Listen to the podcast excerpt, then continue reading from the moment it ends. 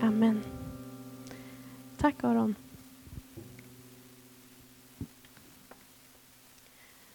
Och stort tack till eh, Johannes som sköter både ljud och bild idag.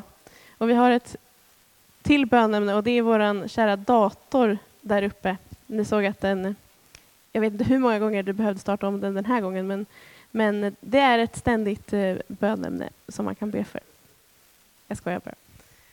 Eh, för er som har rullat in som inte känner mig, Evelina Svernedal heter jag, jobbar som ungdomsledare här i vanliga fall tillsammans med min man Aron, eh, men varit lite föräldraledig med vår dotter. Eh, men kommer tillbaka i höst faktiskt. Eh, pluggar också till pastor och ska skriva min, min C-uppsats i höst. Så det blir roligt. Och idag ska jag få predika för er och jag är väldigt taggad, för det var ett tag sedan. Eh, och den här sommaren så har vi temat Back to Basics. Och det är, utgår ifrån en kurs som vi brukar ha här i kyrkan som är liksom en grundkurs i kristen tro, men som också passar jättebra att gå eh, om man har varit eh, kristen jättelänge och vill eh, komma tillbaka till det som är grunderna, det som är kärnan och helt perfekt för dig som är helt ny för kristen tro. Och vi har redan hunnit med den här sommaren att prata om att vi är skapade för ett syfte, kraften i Guds kärlek. Vi har pratat om frälsningen, dopet och förra veckan så predikade Aron om den helige Ande. Och om du har missat någon av de här så lägger vi upp alla våra predikningar på Spotify och de finns också på vår hemsida. Eh, man kan bara söka på ena kyrkan så kommer det upp. Och jag tycker att det är jättenice att gå tillbaka och lyssna på predikningar när man behöver lite undervisning eh, annat än söndagarna. Perfekt när man typ går ut och går och så och bara får lyssna på en gammal predikan. Det kan jag tipsa er om. Men idag så ska vi prata om bönen.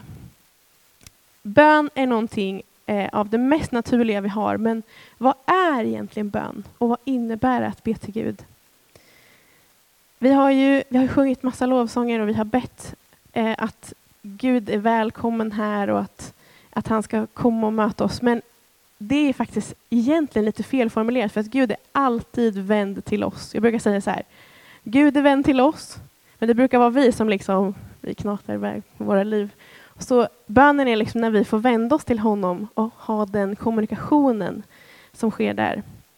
Han, han längtar efter det och han, han längtar efter att vi ska få kommunicera med honom. Och människan har faktiskt alltid kommunicerat med Gud.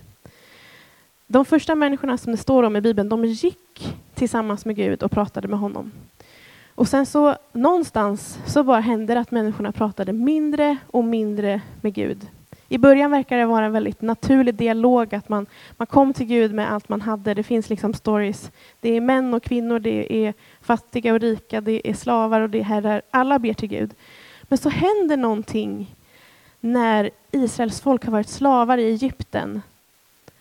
Att de börjar säga till Mose, säg det här till Gud. Kan ni, kan vi kla de klagade jättemycket och sa, Säg det här till Gud. Så Mo, de gjorde Mose till profet, så han blev den enda som pratade med Gud. Och sen genom Gamla testamentet så var det profeter och kungar.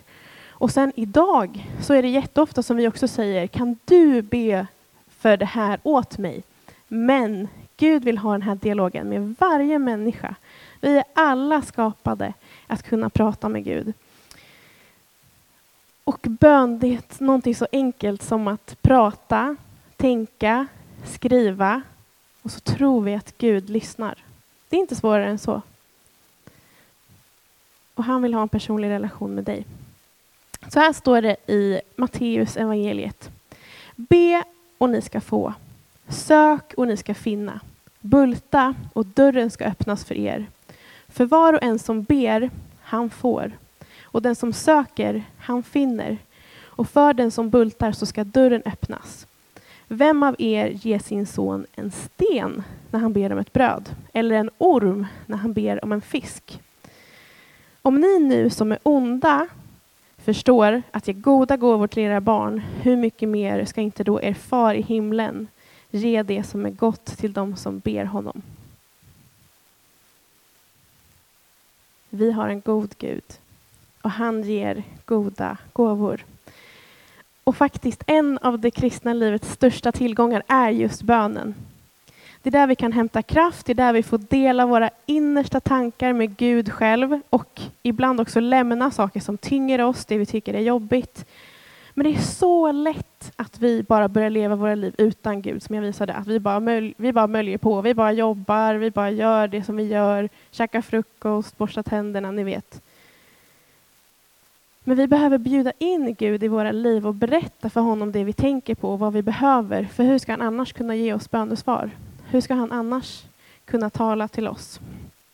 Och som jag sa så är bön är helt naturligt. Det är liksom inte en religiös konstruktion som vi bygger våra liv när vi blir kristna, utan det finns i varje människa på olika sätt, i olika Eh, former. Och det finns i alla folkslag, i alla kulturer och i alla tider. Och det är någon som har sagt att bön är det här som skiljer oss från djuren. Att människan alltid behöver tillbe någonting. Och när vår dotter Miriam föddes, så det första som hände det var att hon skrek jättehögt. Alla ni som har fått barn vet hur det där första skriket låter. Det är liksom ett urskrik. De öppnar sin mun och bara han vrålar ur allt de har. Och de, det är det enda de kan göra. De ger uttryck för att de behöver bli, bli sedda, få närhet eller få mat. Och liksom, det är säkert traumatiskt att bli född. Eh, och det här gör nästan alla bebisar och vissa behöver man liksom få liv i om de inte skriker. Det är det mest naturliga att skrika. Och här finns en likhet med bönen. Att vi får ge uttryck för våra behov genom att vända oss till någon annan. Eh, en författare och teolog som heter Philip Yankee skriver i en av sina böcker Vi ber för att vi inte kan låta bli. Så i varje människa finns det här behovet, den här längtan eh, att få vända sig till något som är större än oss själva. Och om man inte är kristen, då kanske man vänder sig till någonting annat. Man kanske har ett fotbollslag som man älskar, eller man kanske har en artist, eller man kanske har ett specifik hobby som man liksom tillber på något vis. Man ägnar hela sitt liv åt det.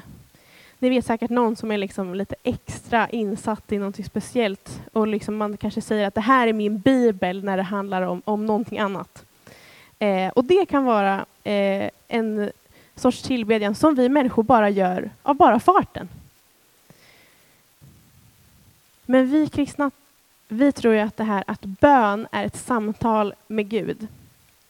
Och det är liksom någonting som kommer naturligt och det här samtalet, eh, det kan vara när vi pratar eller när vi tänker eller när vi skriver någonting och så tror vi att Gud lyssnar.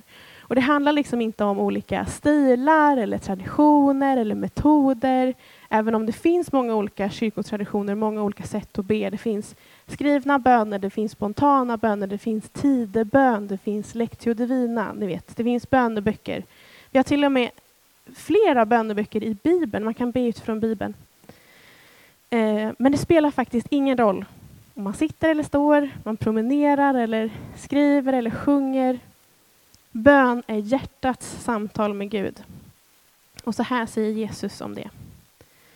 Och när ni ber så ska ni inte vara som hycklarna. Hycklarna var typ så skådespelare som hade masker framför sina... Det var en skådespelare som spelade alla roller, som hade olika masker. Så här. De älskar, som han liksom liknar det här med, då. de älskar att stå och be i synagogorna och gathörnen och att synas inför människor. Jag säger er sanningen, de har fått ut sin lön.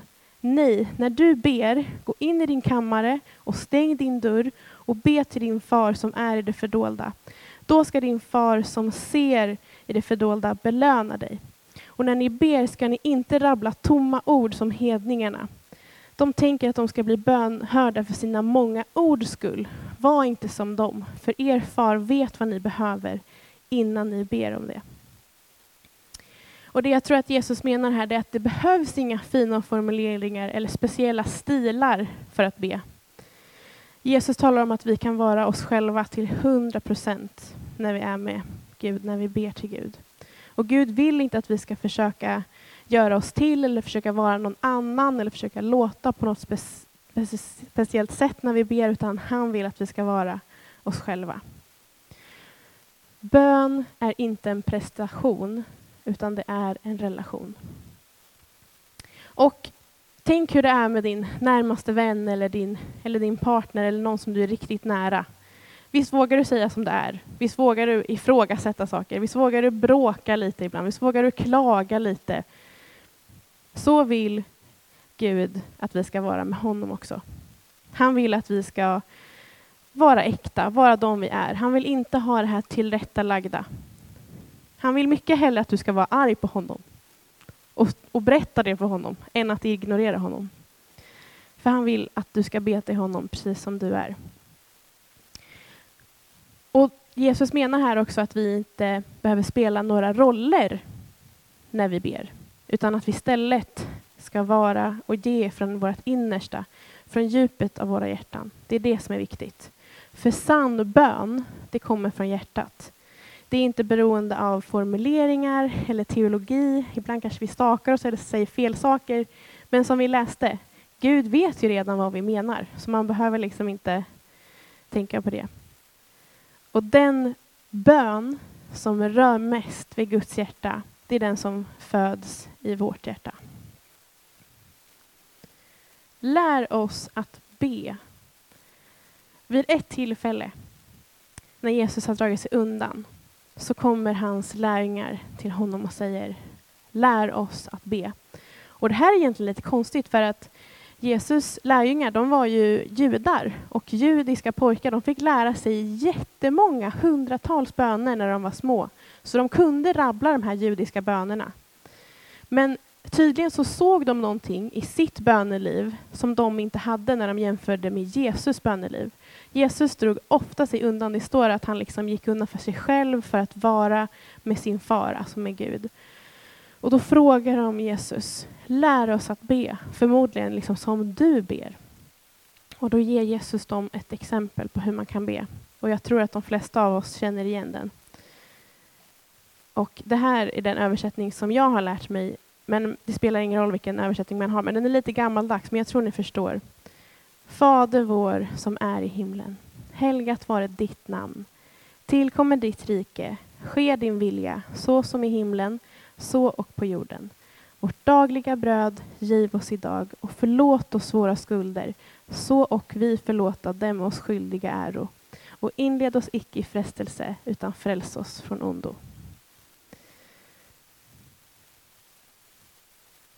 Det här är det exempel som Jesus ger på hur man kan be. Och jag tror inte att det här är liksom någonting som man ska liksom rabbla som en, som en dikt, för det hade ju hans lärjungar redan lärt sig. Utan det här är liksom en slags formel på hur man kan lära sig att be. Han vill visa vilken attityd man ska ha när man ber. Först pekar han på att Gud är vår far, Gud är vår pappa och vi är hans barn. Och det talar om den här liksom närheten och värmen och relationen som Gud vill ha med oss.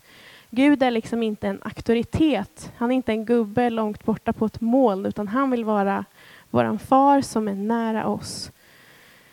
Och därför så, så blir han inte imponerad som sagt av våra vä välformulerade och perfekta böner, utan han är nära oss och intresserad av att ha en relation med oss som en pappa som älskar oss. Sen fortsätter Jesus och han påminner oss om att, att vi kan böja oss under Guds vilja och att det är från honom som vi får allt som vi behöver i hans nåd och i hans förlåtelse. Jesus visar på hur den här ödmjukheten kombinerat med närheten till Gud, som är vår far, ger oss en rätt inställning och attityd i bönen.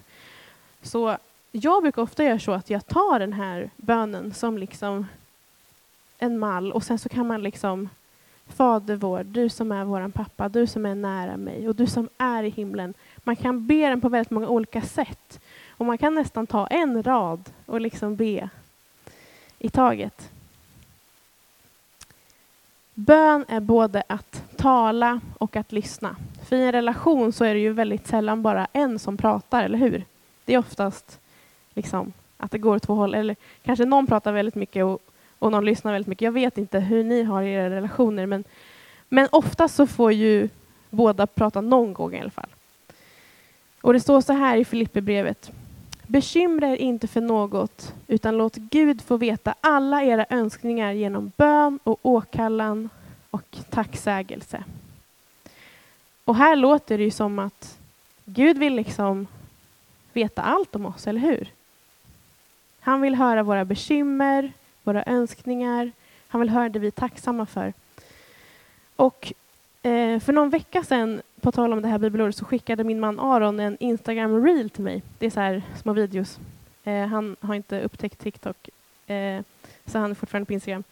Eh, och jag vet inte om det här är sant, men det var i alla fall en väldigt rolig grej om just det här bibelordet. Och det stod att våra hjärnor, eller de sa att våra hjärnor kan inte eh, processa både oro och tacksamhet samtidigt. Och det här vet ju såklart Gud, för det är han som har skapat oss. Och här så står det att bekymra er inte, alltså oroa er inte. Utan tacka Gud. Och här tänker jag att han har så bra koll på oss att redan innan de visste hur man kollade vad hjärnan kan liksom göra så sa han till Paulus, liksom, skriv ner det här att ni behöver inte oroa er utan tacka mig istället. Så den här tacksamhetsbönen tar bort oro för att våra hjärnor inte kan hantera båda samtidigt. Och det här är en väsentlig del av bönen, att få tala om för Gud vad som ligger på våra hjärtan. Han vill veta. Och det finns så många uppmaningar om det i Bibeln. Men bönen är faktiskt mer än så. Och för om bönen bara handlar om våra behov och det vi vill och det blir massa listor så här, Gud jag vill det här, Gud jag vill det här, Gud jag vill det här. Då säger Bibeln att vi ber dåligt faktiskt. Det står så här i, i Jakobs brev. Ni ber men får inget därför att ni ber illa för att slösa bort det på era njutningar. För ett böneliv som bara handlar om jag, mig och mitt, det är inte en bön som rör vid Guds hjärta. Även fast han vill veta allt vad vi tänker på. Så om det bara handlar om mig själv, då blir det ju knappt en bön, eller då blir det knappt en relation. För liksom, tänk dig själv om du är med en kompis och du bara pratar om dig själv och sen går du hem. Då har ju du liksom inte fått någonting från din vän. Och det är därför som att Gud vill att vi ska söka hans vilja i våra liv. För det är där som kontakten mellan vårt hjärta och Guds hjärta verkligen uppstår. Ske din vilja, så som i himlen, så och på jorden. Det finns löften om att när vi söker Guds vilja i vår bön så kommer vi att få det vi ber om. Och den tilliten har vi till honom, att vi ber om något efter hans vilja så hör han oss. Och om vi redan vet att han hör oss om vad vi än ber om, då vet vi också att vi redan har det vi bett honom om. Det var en invecklad mening, men jag tror ni förstår vad jag menar. Det här innebär att bön inte bara är att tala, utan att lyssna. Så när vi ber, ge utrymme till att lyssna in Gud. Vad får du för känslor och tankar när du bara väntar på honom? Det kan vara det som Gud talar till dig. Bön är det som bygger vår relation med Gud. För vi kan ju inte ha en relation med någon utan att eh, lyssna på, på den som vi pratar med. Om det ska vara en konversation så måste båda parterna få utrymme. Så ge Gud utrymme i ditt liv. Så här står det i psalm 46. Bli stilla och besinna att jag är Gud.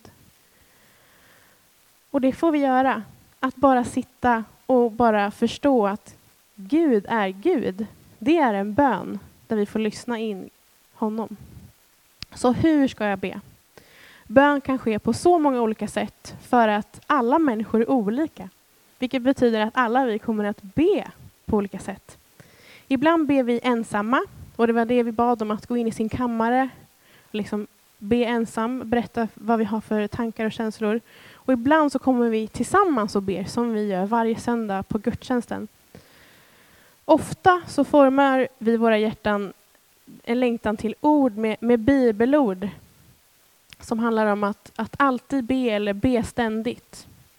Och en del är liksom att vi ber konkret och det, behöver, det ena behöver inte utesluta det andra när jag gick bibelskola så fanns det en, en lärare, han väl skönhet Wilberforce, Han sa så här, I always pray. In the night I pray. In the morning I pray. In the day I pray. Och det han menade med det, det var att hans hjärta var alltid vänt mot Gud. När som helst så kunde han brista ut i en bön, i sina tankar oftast. Och jag tror att det finns någonting i det. Vi kanske inte behöver gå upp klockan fyra på morgonen och liksom bara rabbla massa böner, men om du vaknar klockan fyra på morgonen, be en bön. Och det handlar inte om det här att det behöver vara så långt eller att det behöver vara så kort, eller, men om vi alltid lever vända mot Gud så kommer vi alltid leva i bön. Men hur du än ber så finns det några bra saker att tänka på som är det sista som jag vill skicka med. Och det är, var konkret. Var konkret.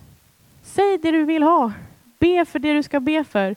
Du behöver inte linda in det i massa ord som vi sa. Om det är liksom så här, Gud, det här är jobbigt. Hjälp mig med det här. Eller tack för det här. Var konkret. Ibland kan man ha en lista för det man vill be för. Låt Gud veta vad du vill och vad du tänker. Dela med dig av dina tankar till honom. Det står så här, bekymra er inte för något utan låt Gud få veta alla era önskningar genom bön och åkallan och tacksägelse. Eller hur? Nummer två, var uthållig. Ibland får vi vänta på bönesvar. Och det är inte för att Gud behöver övertalas, utan för att det kan vara vissa saker som behöver läggas till rätta för att det ska ske. Gud är ju utanför tiden. Han, han vet allt. Han har koll på allt. Han vet vilken ordning saker kommer hända. Han vet när och var det kommer hända grejer i ditt liv. Du kanske ber för någonting nu som du får bönsvar om 20 år. Och då var det rätt tid för det. Så var uthållig om du ber för någonting, om du ber för någon eller om du har någonting. Bönen är ett sätt för, för oss att ta igenom liksom, kaoset i våra liv och få direkt kontakt med Guds hjärta. För han har ju som sagt hela perspektivet. Och det du ber om, det kommer hända i rätt tid. För Gud har koll. Han har kontroll. Han har koll. Det kan man behöva påminna sig om ibland. Och nummer tre. Be i tro. Så här står det i Jakob. Om någon av er brister i visdom ska han be till Gud som ger åt alla villigt och utan förbehållelse. Och han ska få det. Men han ska, va, förlåt nu tappade jag bort mig här. Men han ska be i tro utan att tvivla. Till den som tvivlar liknar havets våg och drivs och piskas i vinden. En sådan människa ska inte tänka att hon kan få något av Herren splittrad som hon är och ostadig på alla sina vägar. Och så här står det i Markus. Därför säger jag er, allt vad ni ber om och begär, tro att ni har fått det, så ska det bli ert. Visst är det bra? Allt vad ni ber om och begär, tro att ni har fått det, så ska det bli ert. Tro handlar inte om vad vi känner eller vad vi presterar, Tro är en gåva som kommer från Gud. Av att vi lär känna honom mer och mer så får vi mer och mer tro. Tro är förtröstan och tillit som går utöver vad vi kan fatta och vad vi kan förstå. Och om du inte har tro så kan du be att du kan få tro. För det är en av Andens gåvor. Och Gud vill ge oss mera tro. Så om du tror på Gud och har tagit emot den helige Ande, då kan han ge dig tro.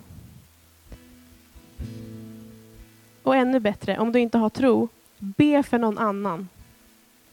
För att man har oftast mer tro för någon annans problem än sina egna. Om du inte har tro i ditt liv, börja med någonting nytt. Gå med i förbönsteamet. Alltså, en av de bästa grejerna jag har gjort, det var att få vara med och be för folk. För att när man får be för andra människor och vad de har i sitt liv, då välsignar Gud en tillbaka. Och han, jag har aldrig känt mig så nära Gud som när jag fått be för någon annan. Och Gud ger mig någonting, precis vad den behöver, fast jag inte kan veta det. Eller, eller gå med i en servicegrupp och börja städa toaletter. Eller eh, ge mer än ditt tionde i insamlingen, när vi tar kliv i tro så får vi mera tro. Det är så som det funkar. När vi börjar betjäna andra, när vi får leda andra till tro, när du får hjälpa andra att växa i deras gåvor så kommer du också att växa i din tro. Börja betjäna andra. Då kommer din tro att växa. Jag har varit med om det så många gånger. Jag vet specifikt en gång, då var jag ledare på Chile-lägret som vi ska åka på eh, näst, nästa vecka. Och jag var så nere och jag mådde så dåligt och så gick jag och ställde mig, för jag hade skrivit upp mig på att vara förbedjare och jag stod där och jag bara, åh gud, det här känns ju som världens sämsta dag, men jag går ändå och ställer mig här som förbedjare. Och så bad jag för, för en ungdom. Eh, och jag vet inte om det var bra eller dåligt, men när vi var klara, då den ungdomen bara, åh, jag tror jag fick en grej från Gud till dig. Och så berättade han det för mig och det var precis det som jag behövde höra just då. Och han var så här bara, tack för att du bad för mig. Och så han bara, hoppas att du fick något från Gud. Och så gick han. Och jag sa bara, Gud har verkligen koll på oss. Han visste precis vad jag behövde just då. Även fast jag kände mig helt nere så fick jag, när jag ställde mig för att be för någon annan, så fick jag precis det som jag behövde. För det är så här att hjärnan tvivlar ofta och kommer med förnuftiga saker. Nej, men så kan det inte vara. Det var säkert en slump. Hur kunde det vara Gud som gjorde det där? Hjärnan kommer ofta med massa sådana grejer. Oj, nu tappade jag. Men hjärtat tror. Och ibland så måste vi luta oss in i det hjärtat tror på. Ni vet, det finns en slagelåt som går Lyssna till ditt hjärta, du vet vad du känner. Nej. Vi ska lyssna, vi ska lyssna till vårt hjärta och inte lyssna till tanken. Nu sa jag fel, men vi ska lyssna till vårt hjärta. För där har vi tron. Lyssna till ditt hjärta. Och när vi ber i tro så handlar det om att hjärtats röst i vårt inre får tala högre än de här tvivlets tankarna. Vi kan be i tro och det vi säger när vi litar på Gud därför att vi känner honom, att han är en trofast Gud utan svek. Då ber vi i tro. Våga be i tro. Det är helt naturligt att tvivla. Det gör vi alla. Det kommer vi göra många gånger. Vi kommer tvivla många gånger mer i våra liv. Men då kan vi be Gud om tro och ändå kunna be i tro. Och nummer fyra, det viktigaste av allt. Be att Guds vilja ska ske. Som ni ser här, det vi har pratat om, så visar Bibeln att bön ytterst inte handlar om att vi ska få det som vi vill, utan att det ska få bli som Gud vill. Om det får prägla vårt böneliv så har Gud lovat att vi ska få bönesvar. Så låt din vilja ske. Låt det bli som du har sagt Gud. Inte som jag vill, utan som du vill. Gör den bönen till en refräng i ditt liv. Återkom till den bönen. Det kommer göra all skillnad i ditt böneliv. Och det starkaste exemplet som vi har på, på den här typen av bön, böjd under Guds vilja, det är när Jesus ber precis innan han ska bli korsfäst i ett temane. Han vet vad det är som ska hända. Han ska bli uppspikad på ett kors och han ska dö. Och ni vet, han hade så mycket ångest så att han svettades blod. Och ändå så ber han bönen. Inte som jag vill, utan som du vill, Gud. Gud vill att du ska be till honom. Han vill att du ska lära känna honom. Och han vill lära känna dig. Det är inte svårt att be. Att be är att tala eller tänka och så tror vi att Gud lyssnar. Och den bästa bönen, det är den som vi ber. Sätt inte upp för höga mål att jag ska be så här mycket. Det är jättebra. Men om du då inte når upp till det målet och sen slutar be, då är det inte bra. Den bästa bönen är den som vi ber. Det finns kraft i att be. Bönen är vårt hemliga vapen. Börja be på din arbetsplats. Börja be för dina vänner. Börja be för dem i ditt bostadsområde. Börja be för din familj. För bön gör skillnad. Och det står så här att när vi vänder oss till honom så är han redan vänd mot oss, som vi sa i början. Gud är bara en bön bort. Det är inte komplicerat. Det är enkelt. Bön enkelt. Och jag vill bara bjuda in dig idag att, att be till Gud, om det är din första bön någonsin, eller om det är din första bön på länge, eller om du har bett till honom hela ditt liv. Han vill att du ska be till honom och han vill att ditt böneliv tillsammans med honom ska få växa, för det är en relation som kan hålla, som håller hela livet. Och det finns flera steg att ta i tro tillsammans med honom. Och kom tillbaka, att komma tillbaka till det här, men inte som jag vill, utan som du vill, tror jag är en stor nyckel i vårt liv tillsammans med Gud. Tack Gud för att du är våran far, för att du är nära. Tack för att du bara är en bön bort. Gud, jag ber att du ska möta oss där vi är. Gud, jag ber att du ska möta oss där vi är. Hjälp oss att be till dig. Hjälp oss att vara vända till dig. Hjälp oss att leva i bön och vara nära dig. Jag tackar dig för att du är en god Gud. Jag tackar dig för att du har koll. Jag tackar dig för det du gjorde för oss på korset Jesus. Och hjälp oss att be, inte som jag vill, utan som du vill. Hjälp oss att be, inte som jag vill, utan som du vill, Gud. Låt din vilja ske. Låt ditt rike komma.